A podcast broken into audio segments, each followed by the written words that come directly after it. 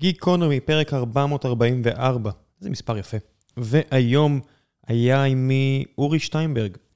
אורי בילה לא מעט שנים עם הקהילה האוונגליסטית נוצרית בארצות הברית, ולמד להכיר אותם, ולמד להכיר את המנהיגים שלהם, ולמד להכיר את הקשר המיוחד שיש להם למדינת ישראל ועל היהודים באשר הם. מדובר על לא פחות מ-700 מיליון אנשים ברחבי העולם, ועל בין 40 ל-80 מיליון אמריקאים, תלוי איך מודדים. כוח מאוד משמעותי בפוליטיקה האמריקאית, וכוח מאוד חשוב בחיבור בין ישראל לארה"ב. דיברנו על האוכלוסייה הזו, על מה מניע אותם, מה, איזה שינויים עברו עליהם במאה ה-20 ושלל נושאים אחרים. פרק מרתק עם אדם רהוט מאוד, כיף גדול. ולפני שנגיע לפרק המעניין הזה, אני רוצה לספר לכם על נותני החסות שלנו, והפעם זה פודקאסט אחר, פודקאסט בשם זמן קנאביס. זמן קנאביס הוא פודקאסט שמדבר על כל מה שמעניין וחשוב לדעת בנוגע לקנאביס רפואי, והוא מוגש כשירות לציבור. מי שמנחה אותו היא אחת מהנשים האהובות עליי בארץ, לינוי בר גפן, שגם הייתה כאן, ודיברנו על שלל נושאים, אבל לא על קנאביס רפואי. אז בפודקאסט הזה, מה שהיא עושה, זה בעיקר להתעסק בנושאים האלו. אני אתן לכם לינק לפרק הראשון, שבו היא מספרת אה, על מה הם בעצם הולכים לדבר בפודקאסט, אני מספר לכם בעצם שזה מה שזה. מעבר לכך, יש עוד כמה פרקים שכבר שוחררו. באחד הפרקים היא מארחת את פרופסור דדי מאירי, ומדברת על הקשר המדעי בין קנאביס לגוף האדם, והם המשיכו על זה גם בפרק השני. היה מרתק, מרתק, מרתק, גם כשחשבתי שאני יודע על ההיסטוריה של הצמח הזה ועל הקשר שלו אה, וההשפעה שלו לגוף האדם, עדיין מצאתי את עצמי לומד לא מעט דברים, וכמובן שכמו כל דבר שלינוי בר גפן עושה, זה מעולה. אז הפודקאסט, זמן קנאביס, מחכה לכם איפה שאתם לא מאזינים לפודקאסטים, ומוגש לכם כשירות לציבור.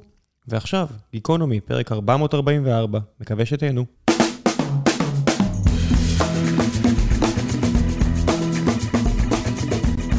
גיקונומי, פרק 444, והבוקר יש לי הזכות לארח את אורי שטיינברג, הר האבן. אכן, הר האבן. תגיד, זה רק אצל יהודים אה, משמעות של השם? לא, אבל רק אנחנו, אני חושב, קצת אובססיביים לגבי הנושא הזה. באמת? כן. שאל, שאלתי כל מיני אנשים בעולם עם שמות, ובארצות הברית בעיקר, והם אמרו, כן, ההורים שלי מגרמניה, או האנססטר שלי מגרמניה, אבל לא היה להם בדיוק מושג. אני חושב שלנו קצת יש את הסיפור הזה גם עם העובדה שחלק מההורים שלנו עברתו שמות, אני חושב שיש לנו איזשהו פטיש לנושא הזה. באופן כללי, הבאתי פה כל כך הרבה אנקדוטות בשנה האחרונה מאיזה ביוגרפיה של בן גוריון, שנקראת מדינה בכל מחיר, שפשוט פיצצה לי את השכל מכל מיני uh, כיוונים.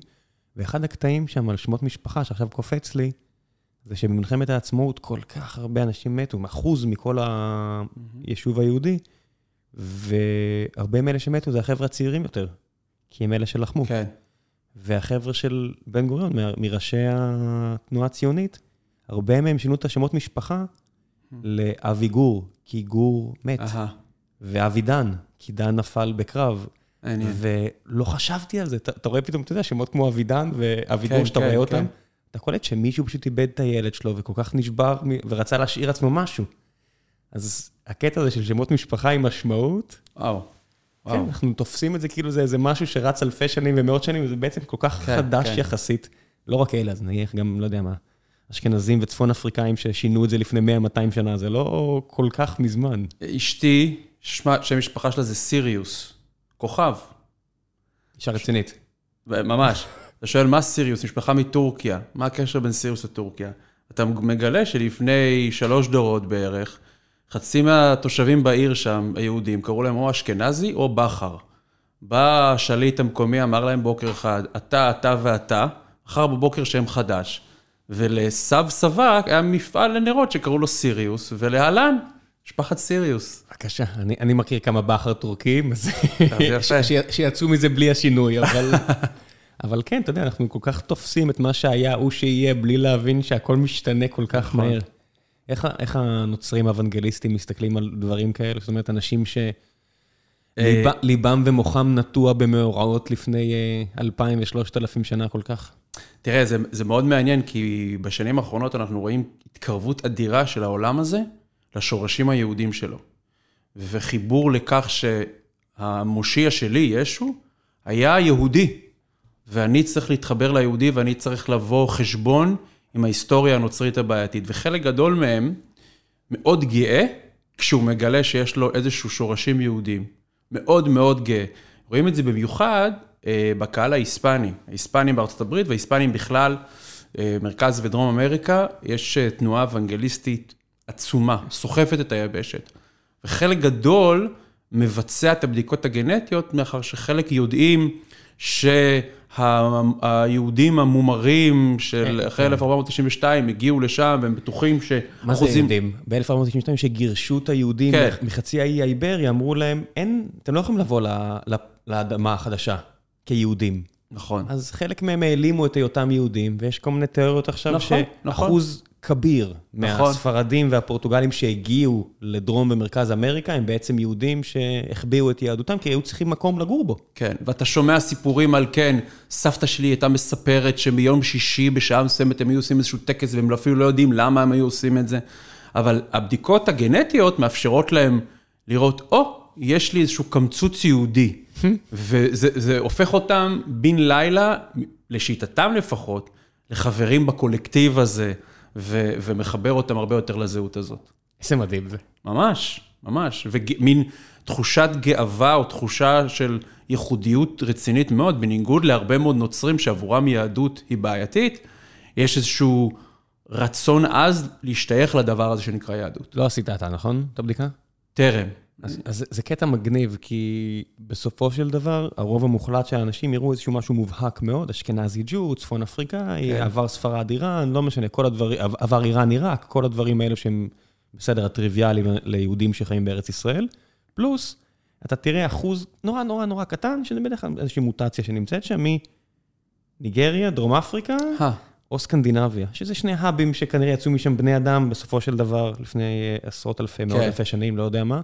וזה קטע גדול, כי אתה מבין בסוף נדידות של אנשים, וכמה בסוף כל השינו, השינויים בינינו הם... מינוריים. מה זה מינוריים? אתה יודע, כי לפני, לא יודע מה, לפני 150 שנה גנרל מצרי כבש את ישראל ושם פה קבוצה של ערבים מצרים, והם פלסטינאים, נכון. והגיעו יהודים מ... לא יודע מה, רומניה ותימן והכל, והם עכשיו היהודים הישראלים, ואלה משוכנעים שאתה יודע, לגמרי. אנחנו חייבים עכשיו לריב לדיראון עולם, וכל אחד, אתה יודע, מנסה עכשיו לבנות את הנרטיב אחורה. כי, ויש נרטיב יש אחורה, נרטיב. אבל אם אתה רק, אם רק, אתה יודע, היו מביאים לך עכשיו מצלמה להראות לך את המסע ש, שאנשים עברו, פתאום היית, אומר, אוקיי. לא, זה מאוד מעניין, אין ספק. נוצרים אוונגליסטים, מאיפה הם הגיעו? באופן כללי, זאת אומרת, אם אנחנו מותחים עכשיו קו, הרי נצרות, נצרות קתולית, כן. בשלב מסוים מרטין לותר, אה, נזיר שמנמן בגרמניה, מצמיד אה, משהו לדלת של כנסייה ומתחילה נצרות פרוטסטנטית. נכון. כל מה שקשור לאוונגליזם, מאיפה זה... כן, אה, קודם כל מרטין לותר, אגב, דיברנו על יהודים, אנטישמי לא קטן. זה היה במודה אז. זה היה במודה לגמרי. אתה מדבר על תהליך מאוד מעניין שמתחיל לך במאה ה-18, אה, מתפרץ במאה ה-19 ומתפוצץ במאה ה-20, שמתוך העולם הפרוטסטנטי יוצאים בארצות הברית, כחלק מאיזושהי תפיסה, אבל שהיא מאוד אמריקאית, של האינדיבידואל, של הספר האמריקאי, רצון לעשות דברים בצורה אחרת, רצון לעשות בדברים, דברים באופן שהוא לא מתווך, אוקיי? אני רוצה לדבר עם האל. למה אני צריך איזה, איזה כומר שיגיד לי? ולמה אני צריך מישהו שיפרש לי את הדברים האלה, כשבסופו של דבר הכל כתוב בתנ"ך בצורה מאוד מאוד ברורה.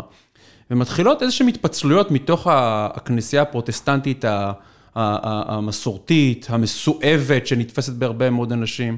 אתה יודע, במאה ה-16 נתפסה בתור משהו קליל ואנטי-קתולי, אבל יותר מאוחר, 200-300 שנה אחר כך, פתאום אנשים אמרו, מה זה הגוף העייף והמסואב הזה? ובאמריקה פתאום מתפתחת לך תנועה שחותכת ימינה בהמון מובנים, שאומרת, א', אה, התנ"ך, מה שכתוב שם מילה במילה, היא אה, דבר, אה, דבר אלוהים חיים, אה, אמת לאמיתה, לא רק ברית חדשה, גם ברית ישנה. הבנה שכל נוצרי צריך לעבור חוויה של born again, חוויה של בעצם התגלות מסוימת שמאפשרת לו לקבל את העובדה שישו הוא המשיח ש, ש, שמת לכפר על חטאי, חטאינו כבני אנוש, ומספר אמיתות נוספות שממש מבדלות אותם ומוציאות אותם מתוך המיינסטרים. בהתחלה הם היו קצת, אה, אה, קצת דומים לכנסיות הפרוטסטנטיות המסורתיות, מה שנקרא mainline Protestant, אבל ככל שעבר הזמן, הם הלכו ו- וקיבלו כיוון משלהם. מה היו הנקודות שבר, אה, או הנקודות פיצול? זאת אומרת, אני מניח שמלחמת אזרחים, אמצע המאה ה-19, כן יוצרת כאלה שינויים ואחרים. כן. מה עוד קורה בהמשך ש... זאת אומרת, נשיא קתולי ראשון שנות 60, כל- משנה משהו? נשיא קתולי לא משנה, לא משנה, אני חושב שבהרבה מאוד מובנים אתה יכול לראות פער גדול, שלא לומר טינה, בין אוונגלים וגם פרוטסטנטים לבין הקתולים. יש, אה, אה, אין אהבה גדולה בין ההנהגה שם. זה מאוד מעניין, דווקא ה- ה- הנשיא הפרוטסטנטי, האוונגלי, סליחה, הראשון שהיה, הוא אה, אה, ג'ימי קרטר, בשנות ה-70. אבל- שמגיע בדיוק אחרי הנשיא הקתולי הראשון, JFK. שמגיע, שהגיע, כן, הגיע עשור בערך אחרי הנשיא הקתולי הראשון, אבל uh, אתה רואה uh, התפרצות גדולה מאוד של האוונגליות בסוף שנות, בסוף uh, המאה ה-19, וזה קורה הרבה, בהרבה מאוד מובנים בגלל איזשהו בלבול שיש בעולם, תחילת מלחמת העולם, תחילת המאה ה-20, מלחמת העולם הראשונה, הרבה בלבול והרבה רצון של קבלה של תשובות חדשות. הממסד הפרוטסטנטי הוא עייף, הוא לא נותן מענה אה, לעולם שמשתנה, ופתאום יש לך חבר'ה חדשים שאין להם מערכת חוקים. רגע, אין- רגע, רגע. חבר'ה, בסוף דת יכולה להתפתח באחת משתי דרכים. לידות, ובהנחה שמה שהיה הוא שיהיה מבחינת מה שאבא ואימא היו, או אה, מהגרים, או מומרים. זאת אומרת, מי זה מבין השלוש, שלושה האלו? אתה מדבר על... אתה... כדי שהאוונגליסטים מס- מספרם יגדל, כן. יהיה התפוצצות במאה ה-20, זאת אומרת, או שהם התחילו להביא הרבה ילדים והילדים האלה הגיעו לגיל בגרות, או שהגיעו מהגרים שהביאו איתם או קיבלו עליהם את האוונגליזם, או שאנשים מזרמים אחרים נהיו אוונגליסטים. מה בעצם... ש... שתי מגמות. בתחילת המאה ה-20, בוא נאמר לשיטתך, לידות, אוקיי? אתה רואה אה, אה, באזור הדרום, משפחות גדלות, זה לא כמו שהיום, של 1.2 ילדים, אתה רואה משפחות גדלות, משפחות שממשיכות לשאת את הלפיד הזה של אה, אה, אה, קנאות דתית, של משמרות את המסורת, ובהמשך, ב-30 שנה האחרונות, אתה רואה הצטרפות של, נקרא לזה, מומרים חדשים. של אנשים שעוזבים את, הכ- את הכנסייה הקתולית בהמוניהם, ואת הכנסייה הפרוטסטנטית הישנה בהמוניהם, ומחפשים נרטיב חדש. וכשאתה נכנס לעולם האוונגליה, אתה נכנס לסופרמרקט. כי אין היררכיה, אין אפיפיור, אין ראש הכנסייה. יש סט של אמונות כלליות מאוד, שמתחתם הכל תופס. ולא רק זה, הם אומרים לך בתור מאמין, אתה לא צריך ללכת לכנסייה. אתה רוצה to, to, to, to, אתה רוצה to preach the gospel, אתה רוצה אה, ל, ל, ל, ל, לתת אה, אה, אה, דרשה, אתה רוצה להאמין באל, אתה רוצה לעבוד אותו, פתח טלוויזיה לערוץ דתי, תקשיב לפריצ'ר, עשית את שלך. הכל הוא נורא נורא אינדיבידואלי, ובסופרמרקט החדש הזה, כל אחד באמת מוצא את המקום שלו, וזה אטרקטיבי הרבה יותר. מעבר לזה, העולם האוונגלי היה הראשון לנצל את המדיה. לנצל את המדיה ולצאת החוצה. אחד העיקרים של העולם האוונגלי זה אה, אה, אה, to evangelize, אוקיי? בעצם להמיר, לקחת אנשים ולהפיץ את הבשורה. ואיך מפיצים את הבשורה? ברדיו, בטלוויזיה, יוצאים החוצה, משווקים ומשווקים ומשווקים. כשהקתולים והפרוטסטנטים לא התעסקו בשיווק, ישבו להם והיו די אה, אנכרוניסטים. אני חושב שבבראדר וויר ארדאו רואים את זה יפה, של האחים כהן, כן. אה, על, על השימוש הראשון ברדיו, שזה פוליטיקאים ומטיפים. נכון. שמשתמשים במדיה הזו כדי, אתה יודע, לצעוק praise the Lord בשפל הכלכלי הזה, תמצאו את נכון, מבטחכם. נכון, הנה. או, רוזוולט שעושה שימוש ראשון ברדיו ובטלוויזיה עם ה-fireside chat שלו, או נכון. המטיפים הראשונים ש... בילי גראם, אתה כן, מדבר על. אנשים שנמצאים במצוקה כלכלית, ואתה מכניס פנימה מישהו עם כריזמה מתפוצצת, ושרמנטיות מטורפת, והוא מדבר לקהל, והוא משלהב אותם, וזה קצת שונה מ-Father אוריילי, אוקיי? בן ה-76, בקהילה, שהוא הכומר שלך מאז שנולדת. איך באמת מסתכל, מסתכלים על זה? זאת אומרת, הקתולים רחוקים. הם יושבים באיטליה, יש להם את הצרות שלהם במרכז של הקתולים, אבל יש בישופים ויש את כל המרכזי כוח המקומיים באמריקה, ופרוטסטנטים זה טיפה מבוזר, אבל עדיין יש מוקדי כוח. איך הם מסתכלים על הזרם החדש הזה? ב... אני הייתי אומר, יש מתח מאוד מאוד גדול, אוקיי? יש מתח מאוד גדול, הקתולים, אה, באופן כללי, כמובן ברמת האינדיבידואל, הכל בסדר, אבל בגדול, התפיסות הן תפיסות שונות. אה, אין אהבה גדולה בין הצדדים. אה, האוונגלים, איך אתה רואה את זה? כשהם באים לישראל, הם לא רוצים לבקר במקומות שקתולים מבקרים.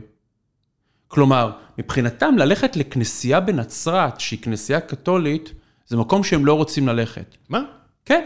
אבל my lord, my savior, לא, שם... לא, אה, לא, לא. הקתולים החליטו ש-my lord, my savior שם. ככה כתוב.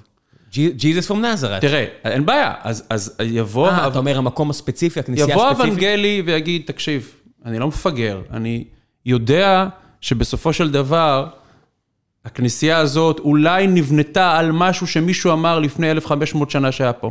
אני רוצה להרגיש את האזור, אני רוצה לעשות סוג של אפילו מדיטציה ותפילה במקום שנראה כמו שנראה לפני 2,000 שנה. הקתולים, כל מה שהם בנו על זה, הם בנו וכבשו והתעללו בכם היהודים, כן?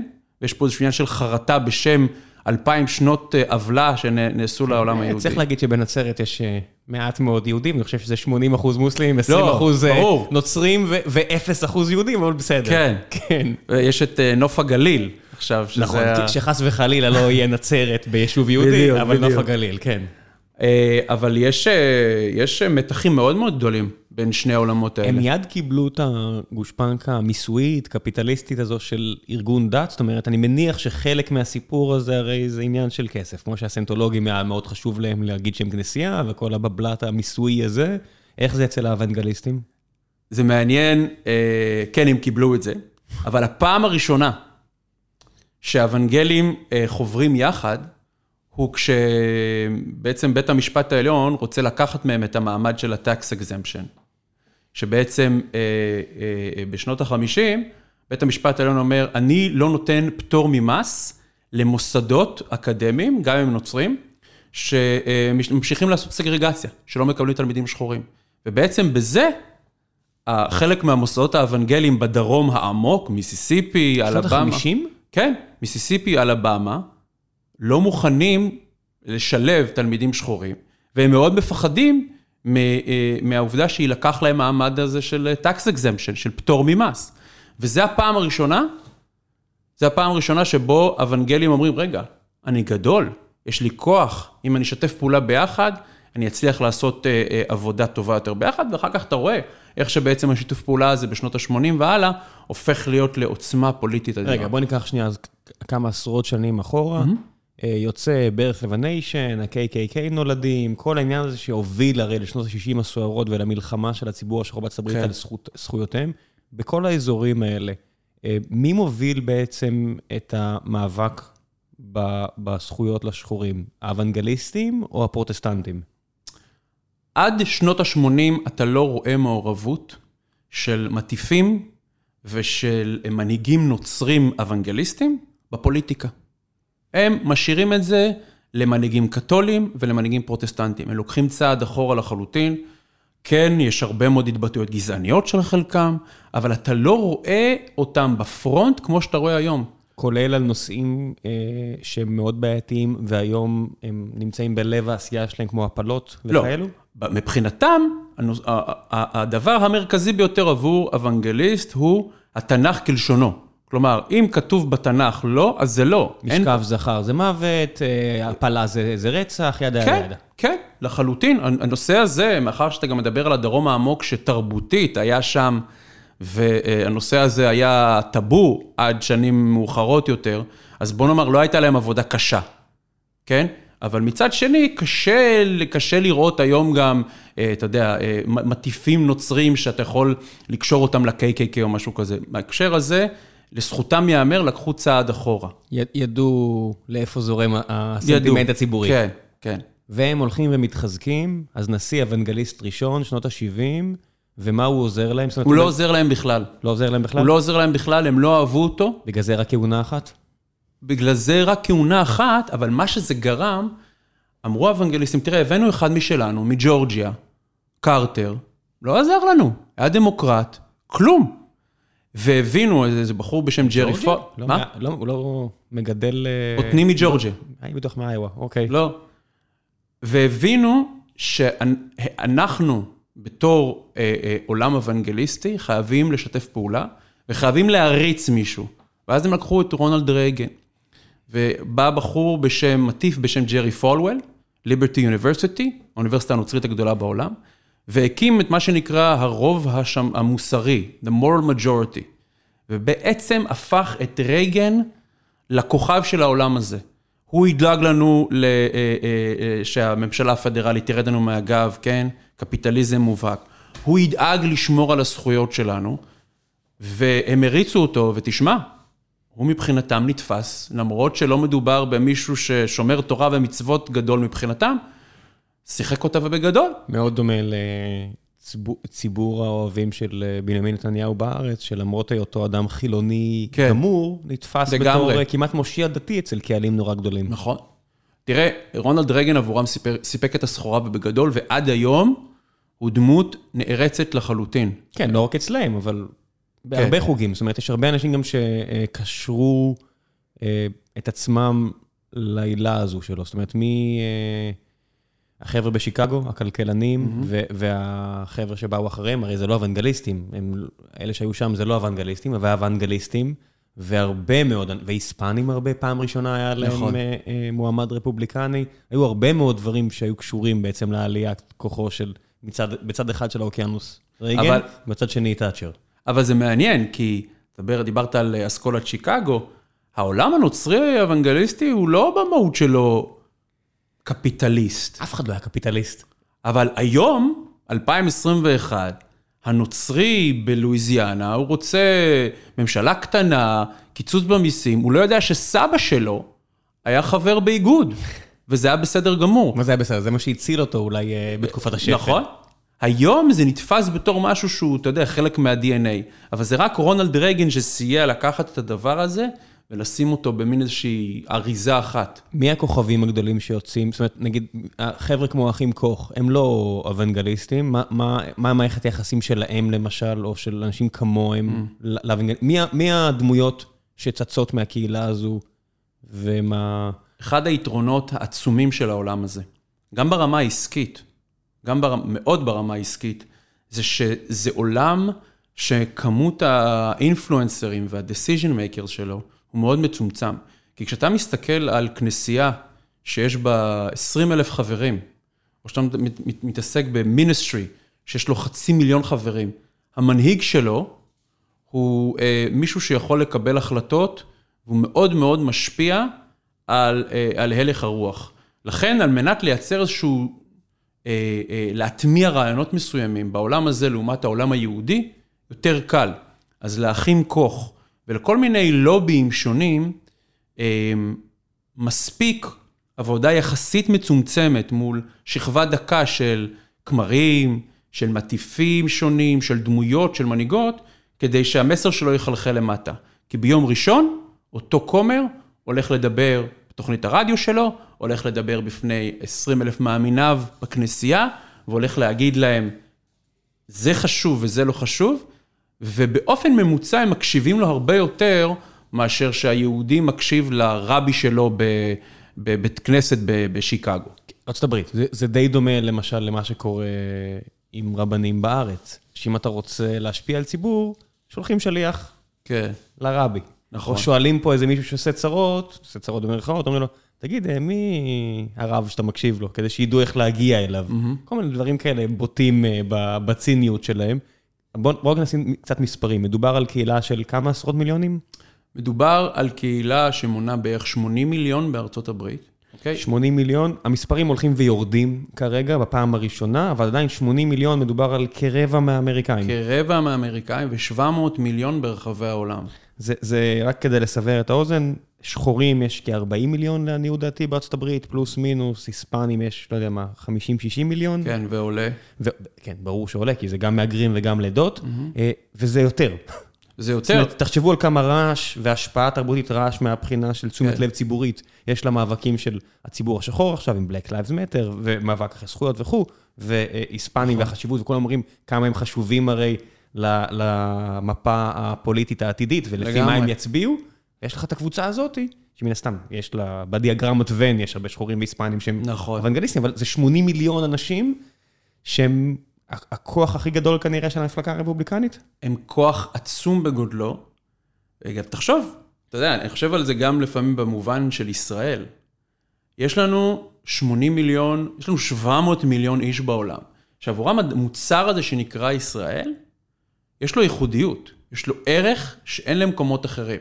עכשיו, כל אחד בווליומים שונים, אבל אנחנו כקולקטיב, לא גירדנו אפילו את קצה קצהו של פוטנציאל, לא ברמה של הסברה, לא ברמה העסקית, לא ברמה התיירותית, ו...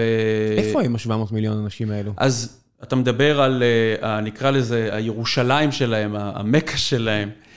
אה, לא שמכה זה עיר שחלקם אה, מתחברים במיוחד אליה, זה בארצות הברית כמובן.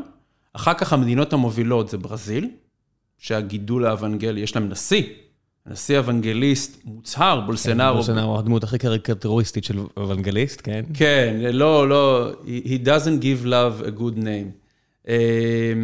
אתה- בסין, בפיליפינים, באינדונזיה, קוריאה, אחת המדינות האוונגליסטיות הכי רגע, בולטות שיש. כל החבר'ה שמגיעים מקוריאה, המיסיונרים, וגם החבר'ה שהיו פה, פחות או יותר החולים הראשונים בארץ של קורונה, לעניות דעתי, היו אוונגליסטים קוריאנים.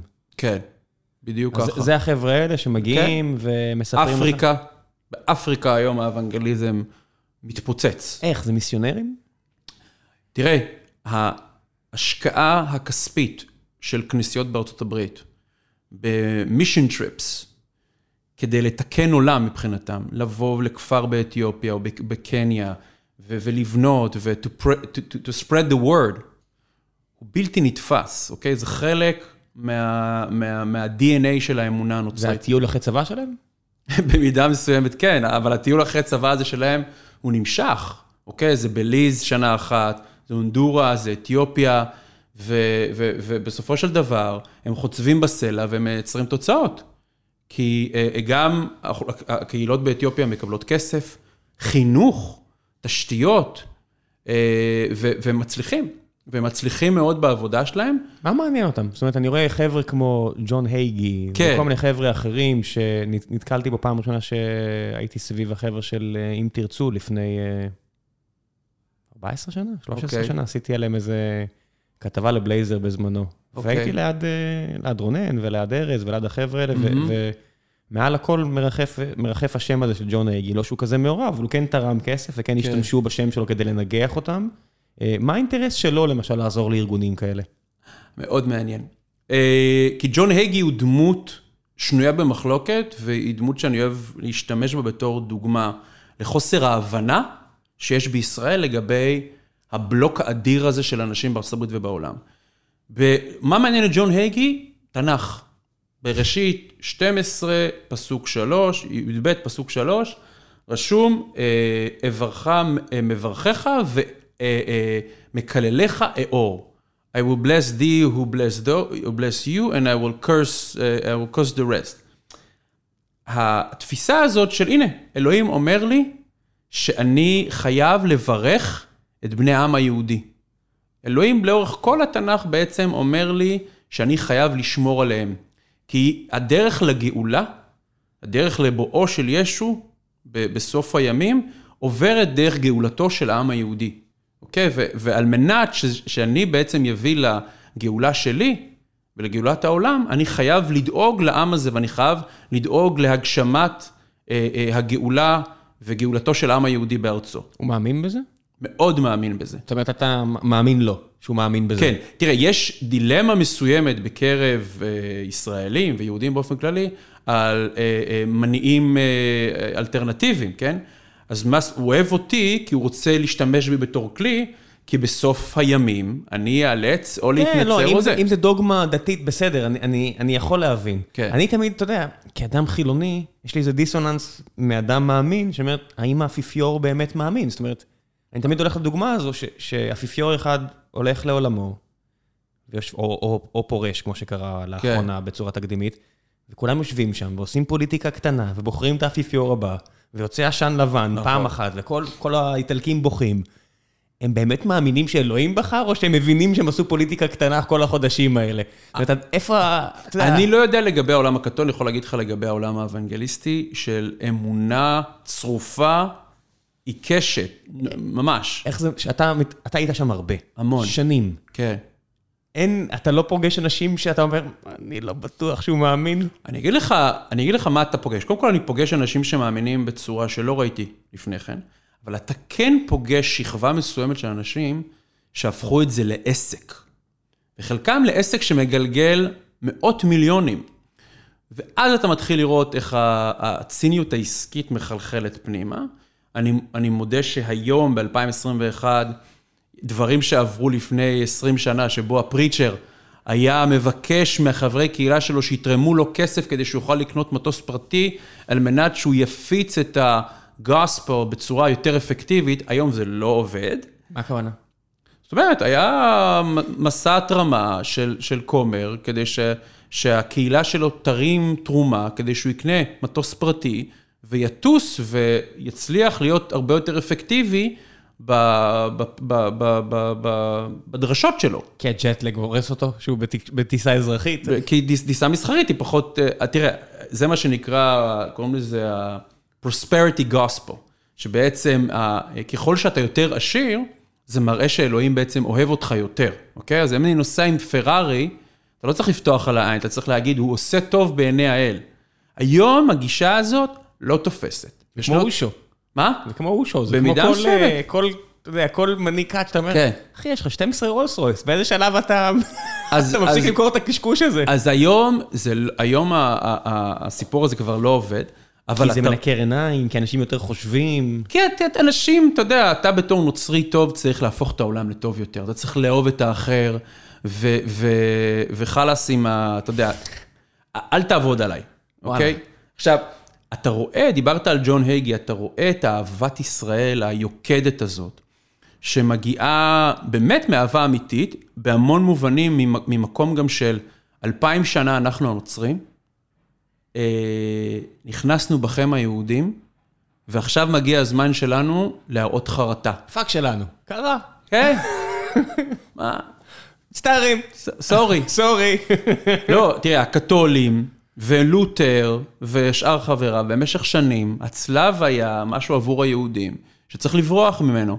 ופעם ראשונה באים לך בהיסטוריה של הנצרות ויהדות, מישהו שאומר, תקשיב, we share the same Judeo-Christian values, אנחנו חלק מאותו עץ, אנחנו התחלנו בגללכם, אנחנו אוהבים אתכם, ואתה יודע, מנסה לשפוך עלינו אהבה אינסופית. עכשיו, ברור שזה נתקל בהרבה מאוד ציניות והרבה מאוד רתיעה, אבל לי קשה שלא להתרגש הרבה מאוד פעמים מהעובדה שאנשים אומרים, תקשיב, אנחנו במשך אלף, מאות שנים אה, התנהגנו בצורה בלתי נתפסת, ואנחנו רוצים, אני רוצה להגיד סליחה בשם אבות אבותיי, על האופן שבו התייחסו לאבות אבותיך. זה, זה קורה להם עם אה, בני לאום אחרים? זאת אומרת, אם אתה אומר, הטיול אחרי צבא שלהם הוא לאתיופיה וסומליה, הם בשלב מסוים אומרים, היי, אנחנו מצטערים שסבא אסר על ילדים שחורים להיכנס לבית לא. ספר לבן. לא, לא? לא. מאות שנים של עבדות, מיליוני מתים, אה, עצב בלתי נגמר, כאילו, סבבה. אז אני אגיד ככה, הפער פה, האדיר, הוא בין ג'ון הייגי לבין מישהו שהוא נמצא בגיל שלי ושלך ודרומה, אוקיי? אנשים שהם baby boomers בארצות הברית היום, בעיקר לבנים, הבני 70. כן? התפיסה שלהם, התפיסה שלהם היא מאוד מסוימת, אוקיי? הם הרבה יותר שמרנים, הם הרבה יותר רפובליקנים, אה, הם פחות מוכנים אה, לבוא חשבון עם העבר שלהם, והמילניאל, כמו המילניאל היהודי בהמון מובנים, הוא הרבה יותר פתוח ומכיל את השונה, ומבין את החטאים של אבות אבותיו שיצרו את חוסר השוויון, והוא לא חושב שקפיטליזם הוא התרופה, והוא חושב שמה שקרה לג'ורג' פלויד זה נורא, נורא ואיום, ושהוא בתור נוצרי חייב עכשיו לעבוד ב inner city של דטרויט, ולצערנו, בהמון מובנים, לא רואה את האהדה לישראל העיוורת של אבא שלו, שמנוי אולי לניוזלטר של ג'ון הייגי וחבריו, הוא לא רואה את זה בתור משהו שהוא חלק אה, משמעותי מחייו. והוא עדיין רפובליקני מוחלט? לא. זהו, נגמר. אני חושב שבהמון מובנים, גם בישראל, יש עיוורון מוחלט, יש מין תפיסה של אוונגלי שווה אוהב ישראל, ג'ון היי כזה, כן, שתורם לנו, ימני וכולי וכולי, בעוד האוונגלי הממוצע בין ה-28-30 שגיא חי בנשוויל, אז הוא יהיה, קודם, קודם כל כמו ההורים שלו, הוא יהיה מאוד מתנגד להפלות. זה משהו ש... זה לא הולך? זה משהו שהמשיך. זה משהו שהמשיך. זה משהו שהמשיך כי הוא לא משהו התנהגותי. תגיד, מאיפה... אני, בוא, בוא נעצור שנייה ונחזור להמשך הזה, נפתח סוגריים. כן. מה הקטע עם ההפלות? איך הפלות נהיה אישו כזה גדול בארצות הברית? זאת אומרת, יש שני נושאים שממש מייצגים את ארצות הברית. סליחה. בריאות. שממש מפלגים את ארצות הברית בצורה מובהקת. מוות וחיים. נכון. נשק והפלות. כן. וזה, אתה יודע, נשק והפלות הרבה פעמים הולכים ביחד, לא תמיד, ברור שלא תמיד, אבל מה הקטע? מה, מה, what the fuck? תראה, קודם כל, נגיד ככה, קודם כל, מבחינת הנוצרי המאמין, זה תנכי, אוקיי? ברגע שזה... אבל יש הרבה דברים תנכיים. אין בעיה. למה זה דווקא? אבל יפה, למה זה דווקא? זאת בחירה פוליטית. כי כשאתה מסתכל על ההיסטוריה, אתה רואה שבשנות ה-60, לפני הפסק דין המפורסם של רו versus וייד, שאפשר הפלות בארצות הברית, שהוא הדבר שהיום נלחמים עליו בשצף קצב, לפני הפסק הדין הגדול הזה, שאיים על, ה, על הכנסייה, אוקיי, ויצר את השיח הזה, ראית את העולם האוונגלי מתנהג לסיפור הזה, אני לא אגיד בשוויון נפש, אבל בצורה הרבה יותר ליברלית, הרבה יותר פתוחה, הרבה יותר עם גוונים של אפור. היום זה שחור ולבן. זה הפך להיות נושא פוליטי. למה? כי מגיעה שופטת ואומרת, ייי versus ניי, מעכשיו זה מסודר, מוסדר, וזהו, הם הרגישו שדרכו להם על האצבע ומאז הם זוהמים? במידה מסוימת כן, אני חושב שמבחינתם, אה, אתה יודע, ברגע שמדובר על, על ה-sanctity of life, על קדושת החיים, אה, וזה הפך להיות נושא שמגדיר אותם, וזה הפך להיות גם נושא שמגדיר אותם כנגד האחרים, אה, אתה יודע, בסוג של סנג הם לא רואים בעיניים, אוקיי? למרות שחלקם מבין שאין דבר כזה, אין הפלות. יש, אתה יודע, מקרים מאוד קשים שחלקם מסכים שצריך להיות, אבל יש אה, אה, התרעמות מאוד גדולה על השחרור רסן המוחלט של העולם הליברלי בכל מה שקשור להפלות. תראה, צריך, לה, צריך להגיד את האמת, גם אנחנו פה בארץ, בכל עולם מתוקן, אם אתה רוצה להפיל את אה, אה, ולד אה, אה, חודש לפני לידה, אתה לא יכול לעשות את זה. לא, חודש לפני לידה, אני לא חושב שיש אף מקום בעולם שלא מסתכל על זה בתור רצח. נכון, זאת אומרת, נכון, אם אתה עושה את זה נכון. ליד עצמך. ש...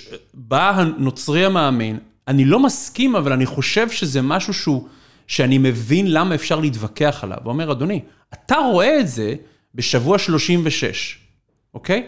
כי אתה רואה כבר משהו ש... שיש לו רגליים וידיים וכולי וכולי.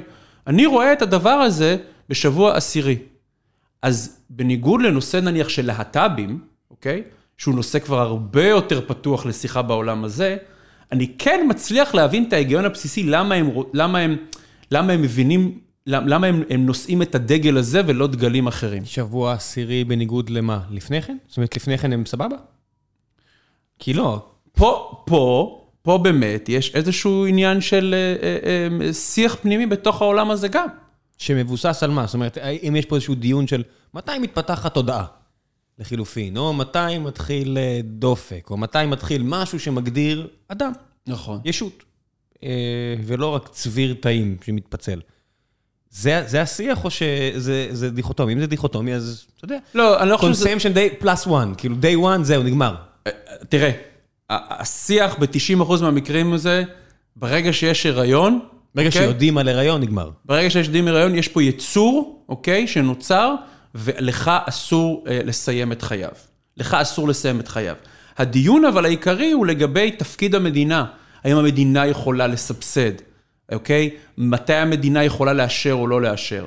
אני לא חושב ש... אני לא המדינה סטייט או המדינה בכלל, פדרל? בכלל. בגלל זה גם הרבה מאוד פוליטיקאים קפצו על העגלה הזאת, כדי, אתה יודע, לסגור את Planned Parenthood וכל מיני ארגונים שמסייעים לנשים, לנשים שרוצות להפיל. אני חושב שהנושא הזה הפך להיות נושא מאוד פוליטי ומאוד חם. לצערי הוא משהו שכאילו מגדיר את העולם הזה, אבל ביום-יום הם לא מתעסקים בו כל כך. שלב אחד אחורה, לפני, אה, אה, לפני בעצם שזה היה פוגש ביצית. איפה הם? אמצעי מניעה נגיד? אה, אז בהקשר הזה, לחלוטין יש אה, שינוי מגמה, אוקיי? אני חושב שבעולם הנוצרי, אם אתה גדלת בשנות ה-70 וה-80, בעולם שבו אין פייסבוק ובעולם שבו אה, אתה הולך לבית ספר מסוים, אז היית, היית נדרש להתנהג בצורה מאוד מסוימת, ובקולג' הנוצרי נוצרי גם נדרשת, ו, ו, ובעצם שמרת נגיעה ברוב המקרים עד שפגשת את בת הזוג שלך, בהמון מובנים דומה למישהו שהולך לאלי פה, אוקיי? חובש כיפה סרוגה פה, ששומר נגיעה או מפלרטט עם השמירת נגיעה, אבל היו כללים מסוימים. כן, כמו שאמר לנו מישהו בצוות, שומר נגיעה, לא מתחרה, אבל שומר נגיעה. יפה. לא, לא שומר נגיעה, אבל גם לא מתחרה. כן. אה, אז גם בעולם, בעולם הזה יש אה, ליברליות הולכת וגדלה גם בנושא הזה. אה, אני לא אגיד שהמיניות הפכה להיות מיניות מתפרצת, אבל לגמרי זה נושא שעל השולחן, של אנשים שעושים סקס לפני הנישואין, אנשים שיוצאים, ברור שיש... גיל הנישואים הולך ועולה? לגמרי. גיל הנישואים הולך ועולה. גירושים היה משהו שהוא לא קיים, ועכשיו הוא קיים. זה מאיים על האמונה גם? זאת אומרת, אני רואה למשל את כל מה שקשור לפמיניזם ביהדות. לא, לא נכנסתי מספיק מפאת חוסר זמן, כן. אבל הסתכלתי קצת וקצת דיברתי עם אנשים וראיתי את השבר הגדול שנוצר ליהודיות פמיניסטיות. זאת אומרת, זה מתנגש. זה, זה, לא יעזור כלום, זה מתנגש, וזה מרגיש לי כאילו, בסוף יש סיבה שהחרדים שומרים מהקדמה, כי הקדמה מאיימת על רעיונות בנות בני אלפיים שנה, אין מה לעשות. וכשאתה רואה, אוקיי, אז נתנו לאמצעי מניעה, וגיל הנישואים עולה, ואז יש יותר השכלה לנשים, ואז נשים מתחילות להגיד, מה? לא מקובל עליי כל הסיפור הזה, ואז האמונה מתחילה להתערער, ואז אתה רואה יותר ויותר בלבול, ובסופו של דבר זה מוביל גם לפגיעה באמונה עצמה. נכון. אני מניח שהחבר'ה המבוגרים יותר, יש להם את הסיבה שלהם ל... ללסגור את השערים, כמו שלחרדים יש את הסיבה שלהם. פעם היה נורא קל, כי התקשורת הנוצרית, זה נושא שאני אה, שוחה בו ועובד איתו הרבה, התקשורת הנוצרית היא הייתה משהו מסיבי. כלומר, כל החיים שלך, אתה ניזונת מ, אה, מרדיו נוצרי, מטלוויזיה נוצרית, מעיתון נוצרי. היה לך מאוד מאוד קל לנהל את החיים שלך ולהעביר לילדים שלך מה, מה נכון ומה לא נכון ומה אמיתות. היום הסכר נפרץ, והאוכלוסייה הזאת היא לא אוכלוסייה חרדית שגרה בגטאות, האינטרנט שם דלוק, אה, אה, אה, אתה יודע, המעורבות באינסטגרם או בטיק טוק היא בדיוק כמו של החבר'ה פה למטה ברחוב, וחייבים לייצר איזושהי מציאות שמאפשרת לדבר על הנושאים האלה ולא לסגור את השערים. מי שסוגר את השערים הפסיד לחלוטין. ולכן אתה רואה דור היום, שאתה חייב בתור נוצרי לתת לו מענים לשאלות שלו. אגב, גם שאלות לגבי ישראל והפלסטינים. ההורים שלי, היו בעד ישראל, היו נוסעים פעם בשנה, היו תורמים כסף לקרן לידידות, למה אני צריך לתרום עכשיו לישראל? מה לי ולמדינה הזאת? כי פתאום הם שומעים דברים שההורים שלהם לא שמעו, על נוצרים פלסטינים, על שני צדדים למטבע, ויש להם שאלות. ולכן אתה רואה את המנהיגות היום. עזוב שאלות, רואים תמונות. אתה יודע, אתה יכול לשמוע מה שאתה רוצה, אבל כשאתה רואה בניין גבוה שמתמוטט, האמפתיה מאוד ברורה. כן. ועכשיו בדיוק חזרתי מלוס אנג'לס, ויש שם יהודים שאמרו לי כמה קשה להם להגן על ישראל, נכון. כי כשהתמונות מולך, ואין פה איזה cooking the books, התמונה היא התמונה, אתה יכול להגיד שהיה סיבה שהפילו את הבניין הזה, אוקיי? הדובר צה"ל יכול להגיד, היה לי סיבה טובה, אה, היה לנו סיבה טובה להפיל את הבניין הזה. בפועל, הורידו בניין. בפועל מספר המתים עולה, ואפילו אין טענה כן. שהמספר המתים הוא שקרי. אין.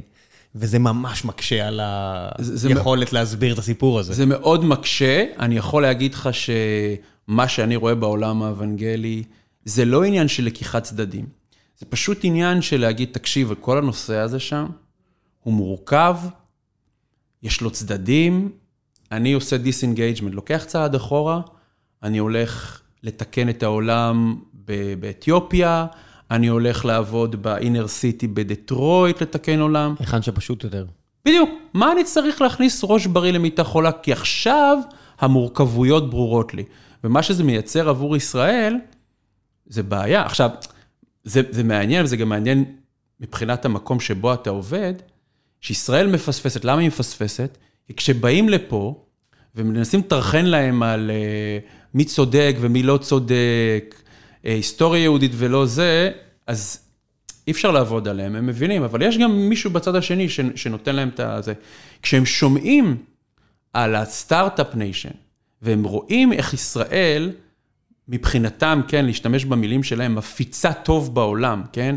איך ה-drip irrigation של נטפים אה, מחיה את המדבריות באפריקה, איך טכנולוגיות ישראלות בתחום ה medical, בתחום האגריטק, בעצם הופכות את העולם למקום טוב יותר ובריא יותר, אז זה מאפשר לנו להתחבר מחדש בכיוונים אחרים לייחודיות של אה, ישראל. מצחיק, זה הפוך מפה. זאת אומרת, שם, הצד השמאלי במפה, דוגמטי להחריד. זאת אומרת, אתה מספר להם דברים על המורכבות של הסכסוך הזה, והם נופלים, הם לא, לא, הם לא יקשיבו לך. הם נכון. לא מוכנים לקבל שזה לא 1-0, אתה הרשע, הם טהורים מסכנים. מצד שני, הצד הימני, שאני הולך, שפוגש שם, מדבר איתם, כמו שאתה מתאר, הולכים ומבינים שזה מורכב, ושמשהו מורכב הוא מעייף, אתה לוקח צעד אחורה. בדיוק. פה בארץ, הצד הימני במפה נורא פשוט. נורא פשוט להרבה מקרים. ארץ ישראל השלמה, אנחנו צודקים, הם טועים. כן. וזה חזק. אתה יודע, קוהרנטיות זה משהו חזק. בצד השמאלי, אנשים כבר לא יודעים מה זה בכלל ציוני. זאת אומרת, אומר, אני ציוני? אם אני חושב A, B, C, D, E, אני בכלל ציוני? זאת אומרת, הבלבול הזה מפרק את השמאל הישראלי, כי הוא לא בכלל, בהרבה מקרים, נכון. אתה רק תשאל כמה שאלות, וזה, אתה יודע, אף, אף שמאלני ישראלי, אלא אם כן הוא פוסט-ציוני, וזה מעט מאוד, זה תמיד היה מעט מאוד, mm-hmm. לא באמת יכול לענות על השאלות האלה עד הסוף. זאת אומרת, תגיד לו, 67 בטח, קל לי. אוקיי, 48, גירוש לא, רמלה. Mm-hmm, mm-hmm. איפה אתה פה? נכון. אה... כן, סיפור מורכב. זה מורכב. זה מורכב לאללה. בן גוריון היה צריך לשקר לו שהוא מסתובב, שהוא הסתובב שם בלוד, בלוד רמלה, ורבין וכל החבר'ה הסתירו את זה ממנו, ואז הוא כותב ביומן כמה הוא מבולבל, כמה הוא מבין מה קרה, והוא רק מסתובב ושואל, איפה הם? איפה האנשים שגרו פה? מה קרה להם? ו- וזה הבן אדם שהלך ונסע לארצות הברית ואמר שהכל צריך לקרות, כן? תחשוב... הבלבול הזה נטוע נכון. עמוק בשמאל הישראלי. תחשוב אבל ששם, בעולם הזה, יושב לך מישהו במיסיסיפי שהוא הכי לא מבולבל בעולם. הוא חי כל חייו, וב-48, סבא שלו סיפר לו שהיהודים שניסו אה, לקטוש אותם בשואה ניסו. ש, שכמעט הצליחו. כן, כמעט הצליחו, זה לא ניסו, כן. אה, אה, הקימו מדינה. הוא פותח את התנ"ך ואומר, תקשיב, זה ממש... ממלכת דוד. אחד לאחד. ואז ב-67, קורה הבלתי ייאמן, והמדינה הקטנה הזאת מנצחת את כל הצבאות הגדולים. ומבחינתם, דור שלם, זהו. אנחנו Game Set Match. אנחנו רואים פה את התגשמות הגאולה. כי לא יכול להיות שמה שקרה פה עכשיו הוא מקרי. יש פה משהו שהוא תנכי לחלוטין מבחינתם, ולכן יש לך דור שלם שנצרב לו בתודעה שאני חייב לתמוך בהם, כי ראיתי עדויות עכשיו, ב-48' וב-67', שמה שקורה זה אה, תחילת הגאולה. Start-Up Nation, עבור הדור הצעיר... הפעם השלישית. במידה מסוימת. במידה מסוימת, כי הם אומרים, איך יכול להיות, תראה מה זה.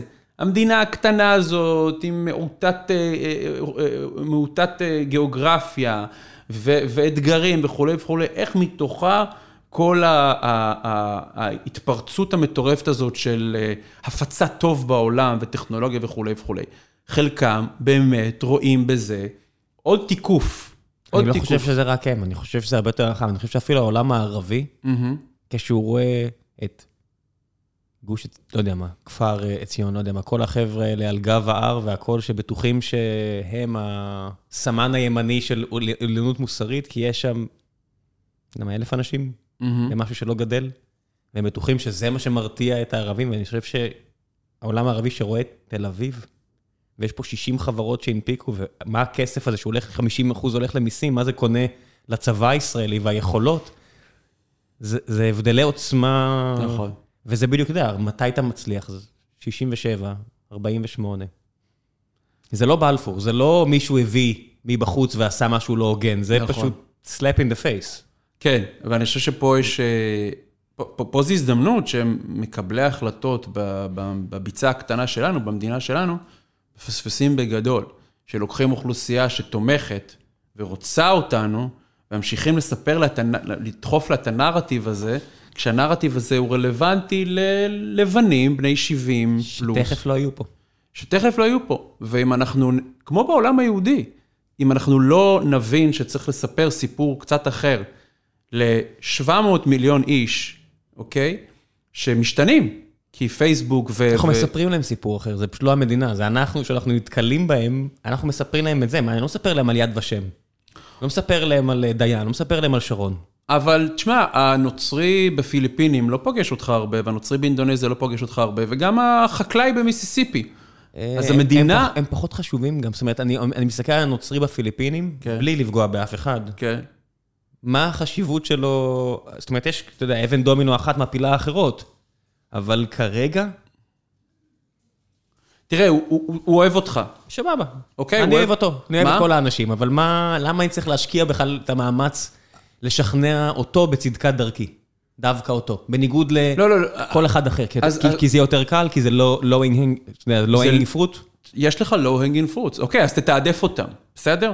תשים את הפיליפינים, כבוד המקום המונח כמובן וכולי וכולי, במקום מסוים, ושים את האמריקאי ואת הקוריאנים אולי במקומות אחרים. אבל תן עבודה שם. כן. תסתכל על האתגר, תסתכל אגב, בחלק מהמדינות, קוריאה ובסינגפור, מדינות מאוד אוונגליות, אתה מדבר על מקבלי החלטות ברמה הכי גבוהה. כן. אתה מדבר על מדינות שבהן, בואנה, אם אתה מסתכל על ישראל בתור מותג, בתור חברה, יש לך ערך מוסף אדיר, לך תנצל את זה. בצורה חכמה, לא בצורה שהייתה רלוונטית לעולם של 1991, אלא לעולם של 2000, אני קצת 2021. אה, משווה את זה לנס שהוא חיים ויצמן. שאם לא הוא, אני לא יודע אם יש פה מדינה כן. שכל כך הרבה בריטים משפיעים, פשוט אמרו, וואו, ויצמן היהודי הזה, is the shit. כן. זה לא, זה לא הסהרורים שעלו פה על בילו ונעלמו, לא יודע מה, אחרי שלושה חודשים בחזרה לרוסיה והשאירו מורשת של אה, פיקציה. ממש. אה, זה מישהו שבאמת עשה משהו ענק, מדען ברמה הכי גבוהה, וזה קצת ה Start-Up Nation של אז. זאת אומרת, כן. שלא לדבר על כל הפיזיקאים היהודים וכו' וכו' וכו'. זה המקבילה, אתה יודע, כוח זה כוח. אה, אתה צריך להפגין כוח, אתה לא יכול לקשקש. אני מסכים. ויש לנו את הדברים שאנחנו טובים בהם, ויש דברים שאנחנו פחות מרשימים בהם. ותשמע, בעולם שבו יש לנו כל כך הרבה אנשים שפחות מתלהבים מאיתנו, יש לך פה קאדר שפשוט, אין מילה אחרת, הוא מעריץ אותך. הוא מעריץ את היכולות, הוא מעריץ את ההישגים, וגם ברמה העסקית, עולם מפוספס לחלוטין. אף אחד לא דופק בדלת ואומר, אוקיי, אוקיי, רגע, יש לי הזדמנויות פה. יש לי פה קהל שרוצה לרכוש טכנולוגיה ישראלית, או רוצה לרכוש מוצרים מסוימים, בוא נחשוב איך אני אה, אומר ביי ביי למדינות שעבור, ששם ה-BDS אולי יותר אה, אה, בועט, והולך לשווקים שבהם, בבקשה אדוני, הדלת פתוחה, בוא, בוא תשב ותתן לנו את הפיץ שלך. כן, זה לא שאנחנו צריכים לוותר על האיחוד האירופי, השגריר החדש אמור להגיע עוד מעט, או כל מיני אחרים, אבל לא, לא צריך לוותר. כן, לא צריך לוותר, אבל... פשוט אה, צריך גם וגם כנראה. כן, כן. אני יכול להגיד לך שיש אה, אה, אה, חברות ב- בלואיזיאנה, בתחומים שונים, שאני שומע מהן שאומ- שאומרות אה, שהענקיות מהקוסטס, מהסיליקון ואלי ו-. ומצפון מזרח ארצות הברית, לא רוצות להגיע אליהם. למה הן לא רוצות להגיע אליהם? כי הן לא רוצות, החברות האלה לא רוצות לעצבן את המשקיעים שלהם, בתור כאלה שהולכים ל- ל- לטראמפ ולבייבל בלט, כן? כי אבנגלים, מה לעשות, עבור אה, האליטות בחופים, נתפסות בתור משהו שהן מעדיפות לא, לא לגעת בו. אז אתה מדבר על, על ערים שלמות, על חברות ענק, שבעצם המתחרים של חברות ישראליות מחליטות במודע לא ללכת ולהציע את מרכולתן. חברות ישראליות, יש פה הזדמנויות אדירות של, אתה יודע, להגיע למקומות האלה ולעשות עסקים. אני חושב שמעט מדי אה, אה, חברות, ארגונים, מבינות את הפוטנציאל של העולם הזה ואומרות, אוקיי, יאללה, יש לי פה, יש לי פה אחלה, אחלה של, אה, של עתיד אולי איתם. בוא נעשה רק אה, דבר מפרסם ונגיע לשלב השאלות מן הקהל וקצת נדבר על הקשר שלך בעצם, איך הגעת לשם. ביי. היי חברים, לפני שנחזור לפרק המרתק הזה על הנוצרים האוונגליסטים, אני רוצה לספר לכם על נותני חסות נוספים שיש לנו, והפעם זה פרויקט נדל"ן. פרויקט הנדל"ן בירמיהו 27-29 בצפון הישן, במפגש בין הירקון לים בתל אביב. אחד מהפרויקטים המיוחדים שיש באזור הזה, באמת בנייה כמוה לא ראיתי אה, באזור הזה, ולמעשה גם בכל החלקים האלה של צפון העיר. הפרויקט תוכנן מלכתחילה בהשראת מלונות בוטיק, ונועד לעטוף אתכם בחוויה המזכירה חופשה. זה בהחלט מורגש ככה כשמגיעים לשם ומסתכלים. כמובן שמדובר על פרויקט לא הכי זול, והוא לא מתאים, אני מניח, אה, לרובכם, אבל במידה וזה כן משהו שמעניין אתכם, אני אשאיר לכם מספר טלפון, והסיבה שהייתי מבסוט לקחת את החסות הזו, זה בגלל שהם עוברים למעשה מעל התיווך, ואם זה מעניין אתכם, תתקשרו ישירות למספר כוכבית 2729, אתם תגיעו ישירות ליזמית, לחברת היזמות בעצם, שמוכרים את הדירות האחרונות שנשארו בפרויקט הזה, ותמיד כיף לי לראות יזמים, ולא משנה באיזה תחום, שמנסים לחסוך עלויות לצרכן הקצה בכל דרך אפשרית, ואם הם עושים את זה, מנסים פה משהו די חדשני, אה, בדמות פרסום בפודקאסטים, ומקווים כך לחסוך לכם בעצם את השימוש במתווך שלא באמת מביא המון ערך. אז אני שמח לנסות לעזור.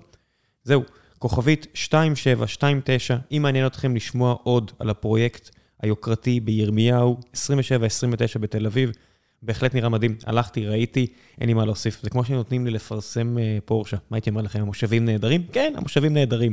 יופי של דירות. לכו תסתכלו אם זה בכלל רלוונטי אליכם. ועכשיו, בחזרה לגיקונומי, פרק 444. מקווה שאתם נהנים. וחזרנו. אז לפני השלב השאלות מן הקהל, אני אשאל, איך בכלל הגעת לזה? עשיתי קורס נספחים תיירותיים, מסחריים.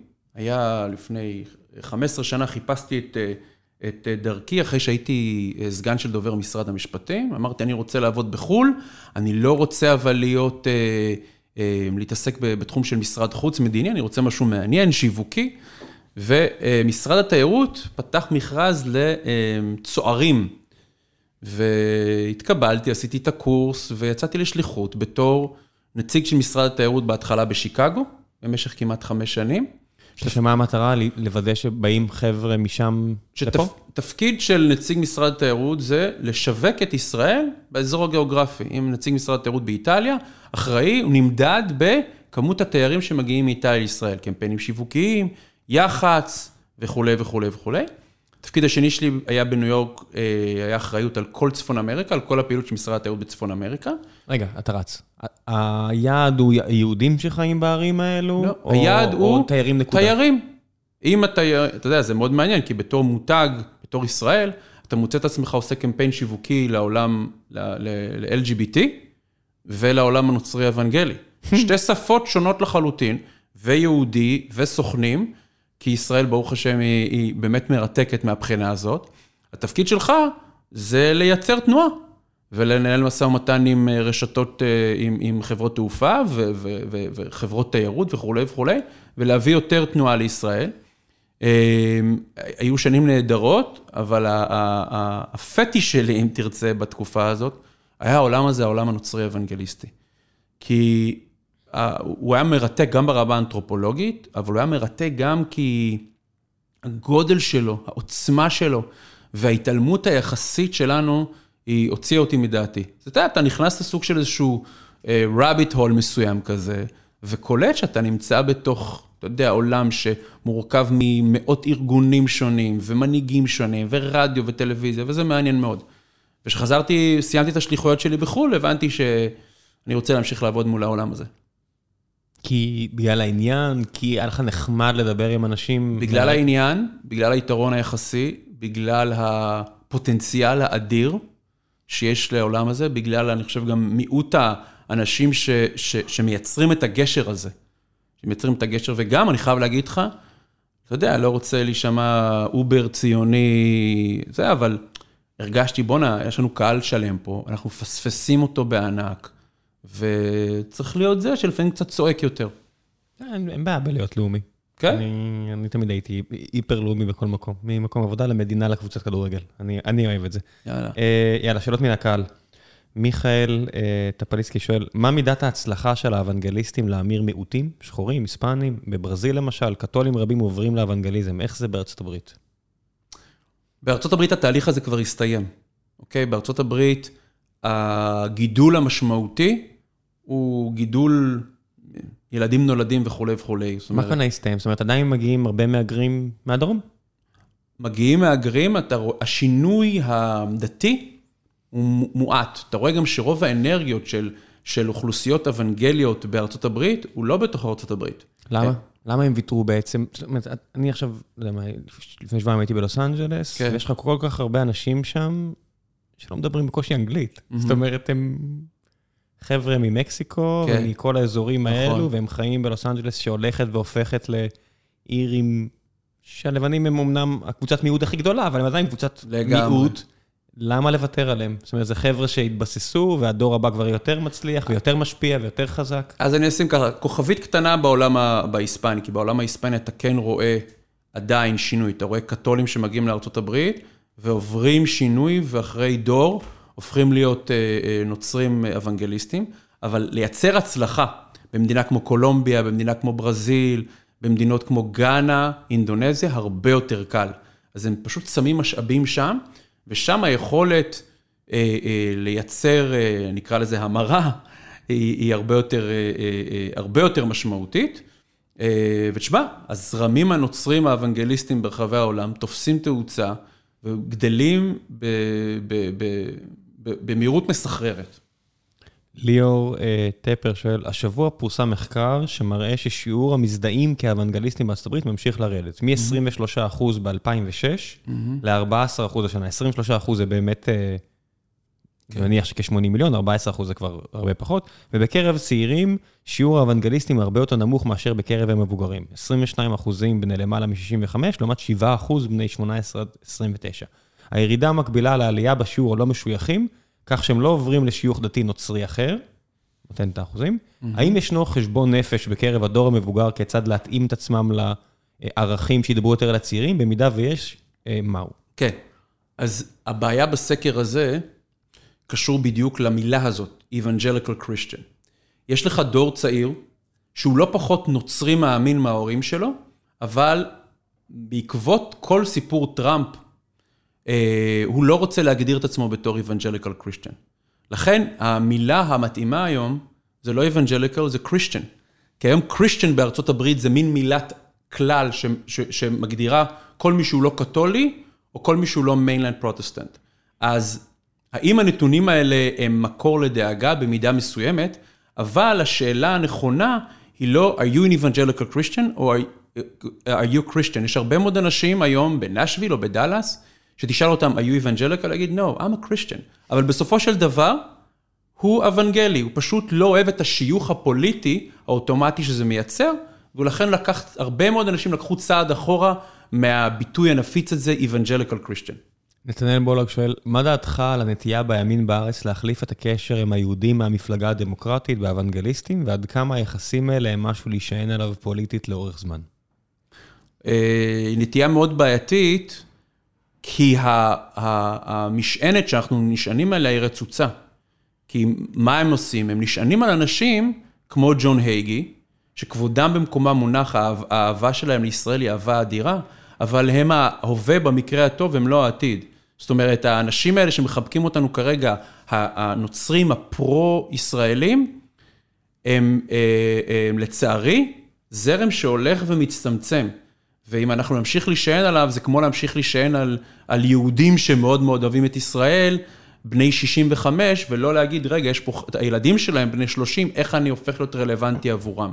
אז אני חושב שזה אה, בעייתי, אני חושב שזה דור שהולך ומצטמצם, ואנחנו מפספסים פה את ההזדמנות האדירה שיש לנו. תשמע, יש כל כך הרבה חלקים באוכלוסייה ש... שמסתכלים רבעון אחד קדימה.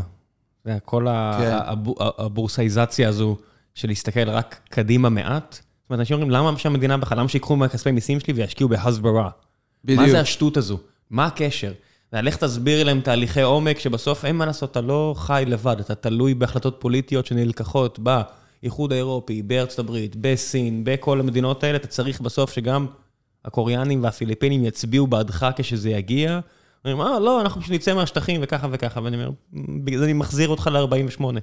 לא, בסוף לחלוטין. העניין הזה לא יסתיים אם נחזור מ-67, תסתכלו ימינה-שמאלה, זה, זה לא...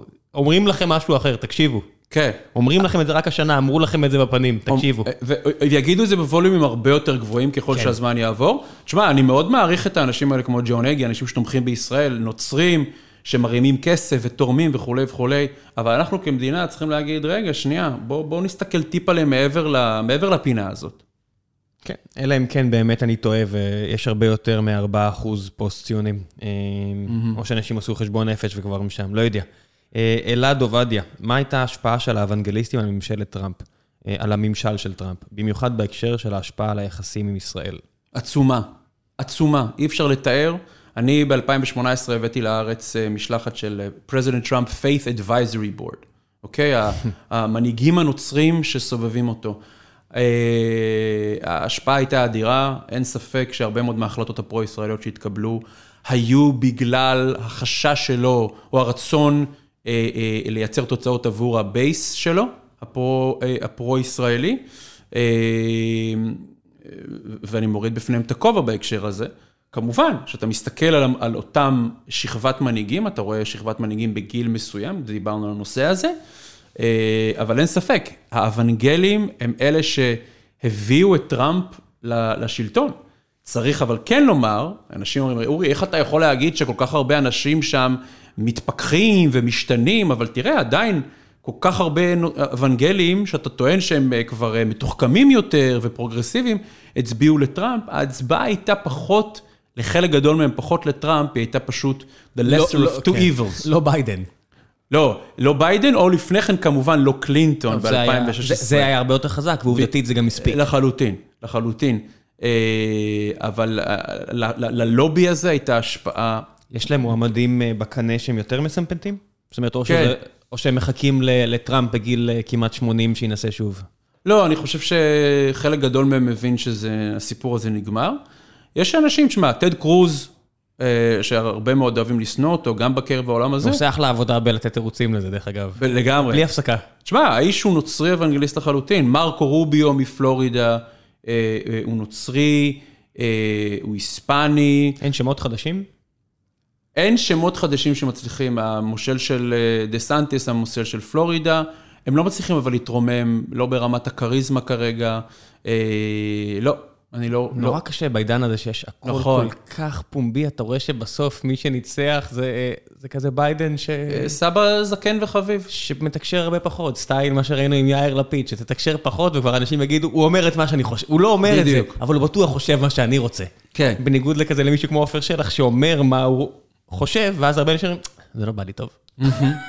זה בעייתי, אנחנו חיים בתקופה כל כך תקשורתית, נכון. ככל שתגיד יותר את מה אתה חושב, ויש כל כך הרבה במות, זה לא בהכרח ישרת אותך.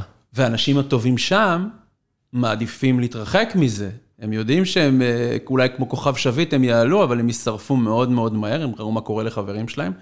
אז אין להם, אין להם איזשהו, מעבר לשמות ש, שהזכרתי, אין להם איזשהו כוכב גדול כרגע, אבל כמו שראינו אצל טראמפ, הכוכבים האלה יכולים לצוץ לך out of nowhere ו- ו- ולסחוף, אה, ולסחוף המונים. אולי צריך להסתכל על, על ריאליטי ולא על uh, מושלים וכאלה. כן, בדיוק. אולי, אולי יש כוכבי ריאליטי שאני לא מודע אליהם. שצוברים תאוצה. איזה קיד רוק. איזה קניה ווסט.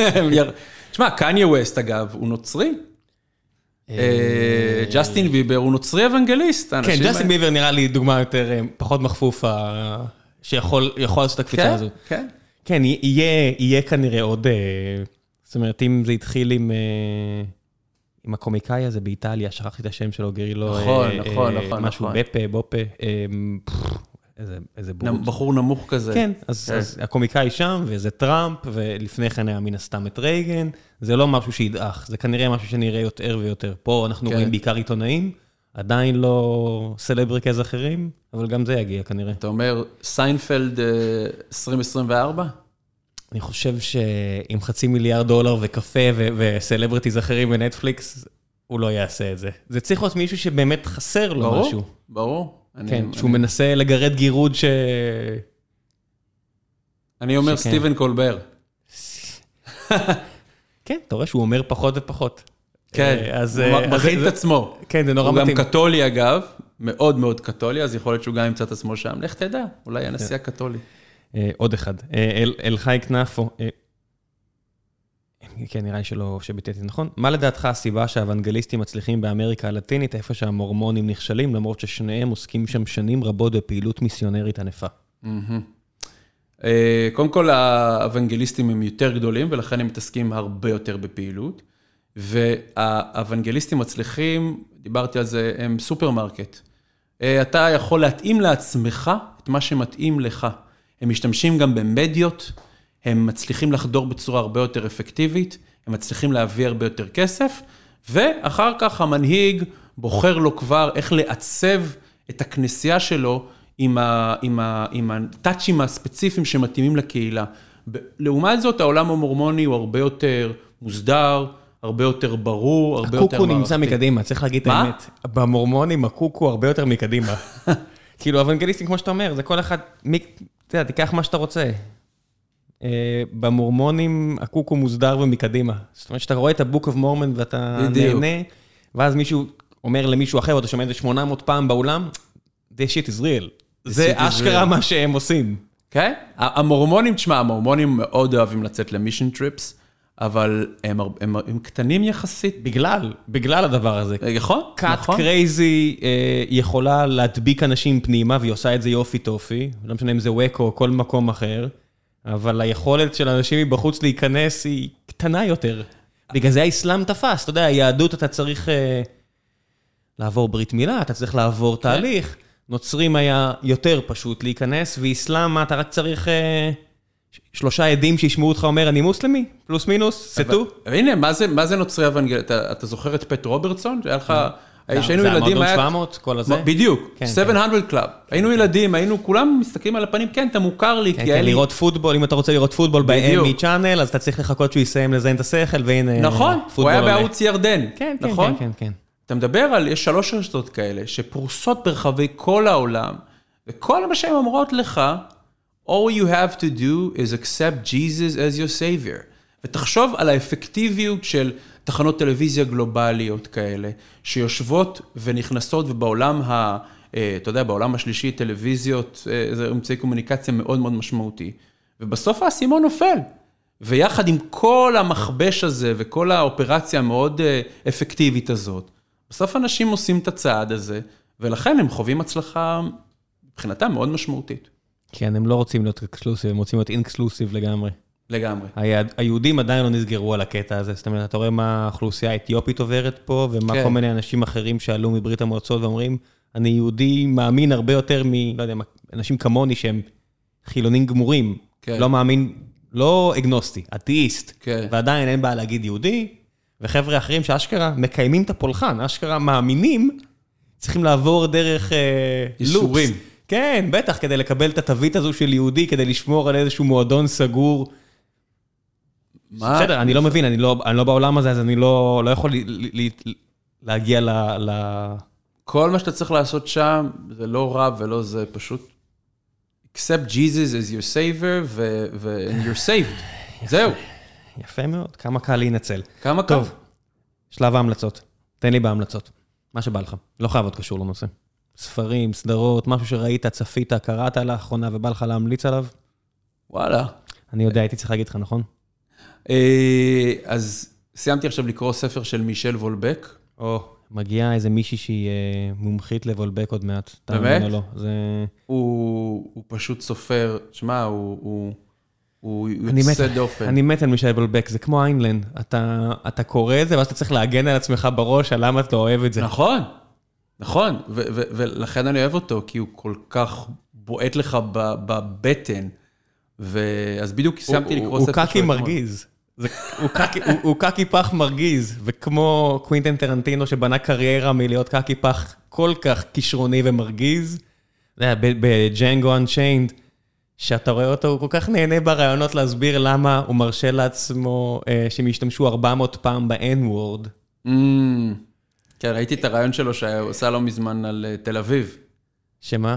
שהוא מספר שהוא גר בתל אביב, והוא מספר שהוא מדבר עם ג'ימי קימל, הוא מספר שהוא לומד עברית כתוצאה מה, אה, מהבן הקטן שלו, שרואה סדרות בלולי הבנתי. בטלוויזיה וכולי וכולי. אז הוא, אז הוא כאילו התרכך, הוא יותר התקרב לאנושות. אתה רואה מישהו כמו מישל וולבק, שכל כך מתרחק מהאנושות בכוח, שהוא אפילו הורג את עצמו כדמות באחד הספרים האחרונים, לא אגיד איזה כדי לא להרוס, אבל... בסדר, זה... כן, זה, כן. זה... האיש, אה, זה, האיש הוא קצת, אה, קצת צרוט. כן, אבל- בשניהם אתה רואה את אותו דבר שקשה להצדיק את עצמי, אתה יודע, דמויות נשיות אין להם כמעט מקום בספרים של שניהם. נכון. זאת אומרת, מישל וולבק כותב נשים גרוע, כמו בתול בן 60, באמת, אין לי מילה אחרת. אה, כמו אדם שלא לא חי עם אישה בחייו.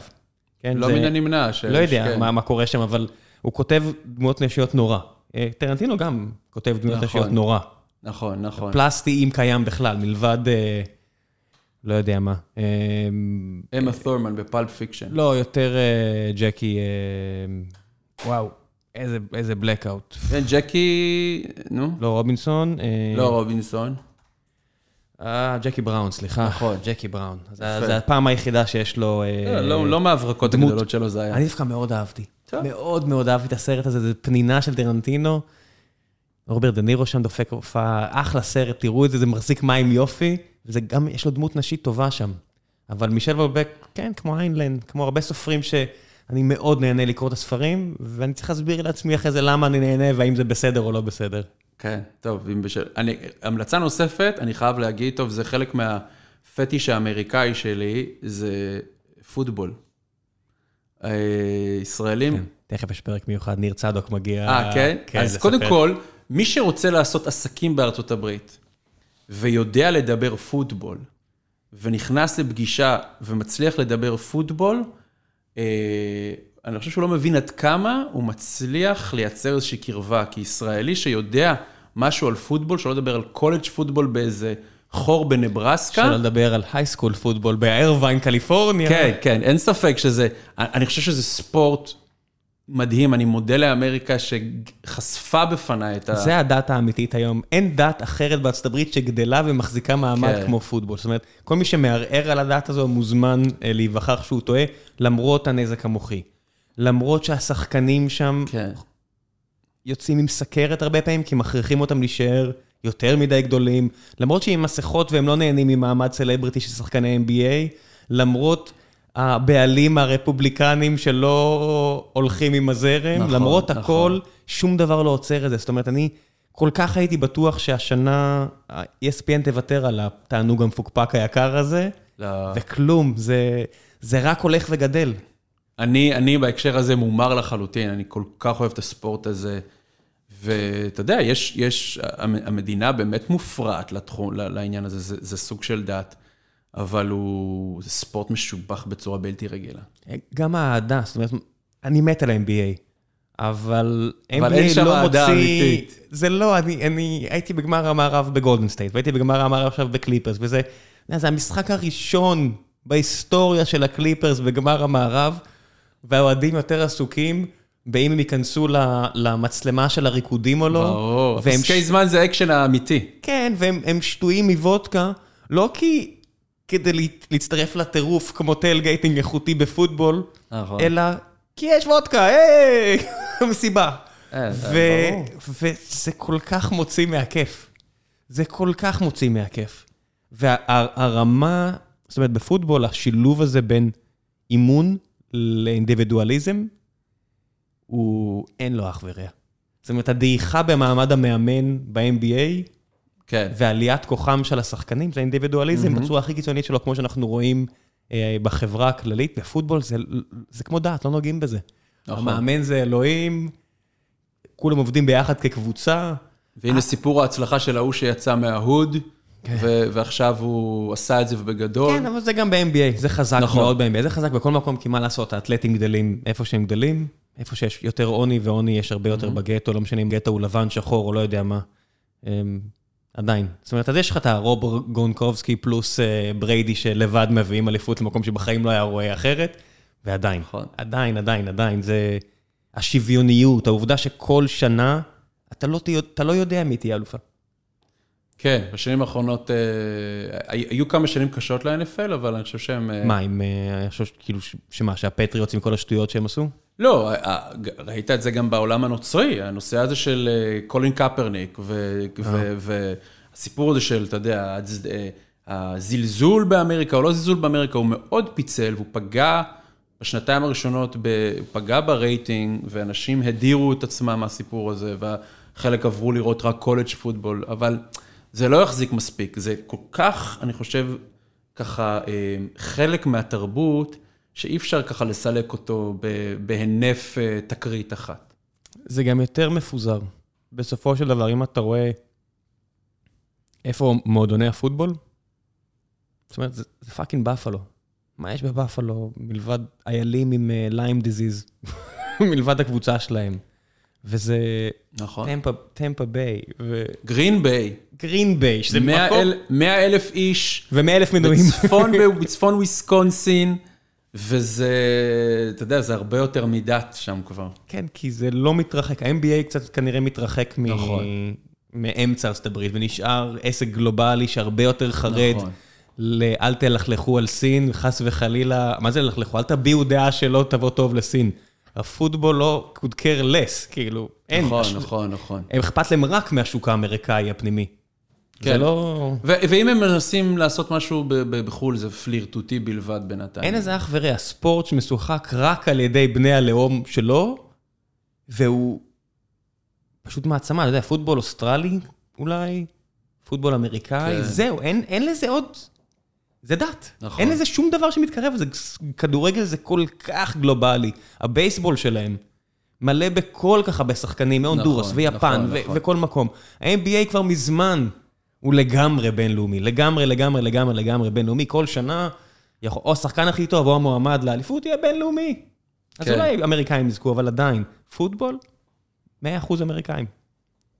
כן, כן. אין יותר, אה, רק חסר, אתה יודע, שיהיה Born in the USA, וכולם ישכחו שזה היה שיר מחאה שברוס פרינגסטין אה, כתב, אבל זה לא משנה.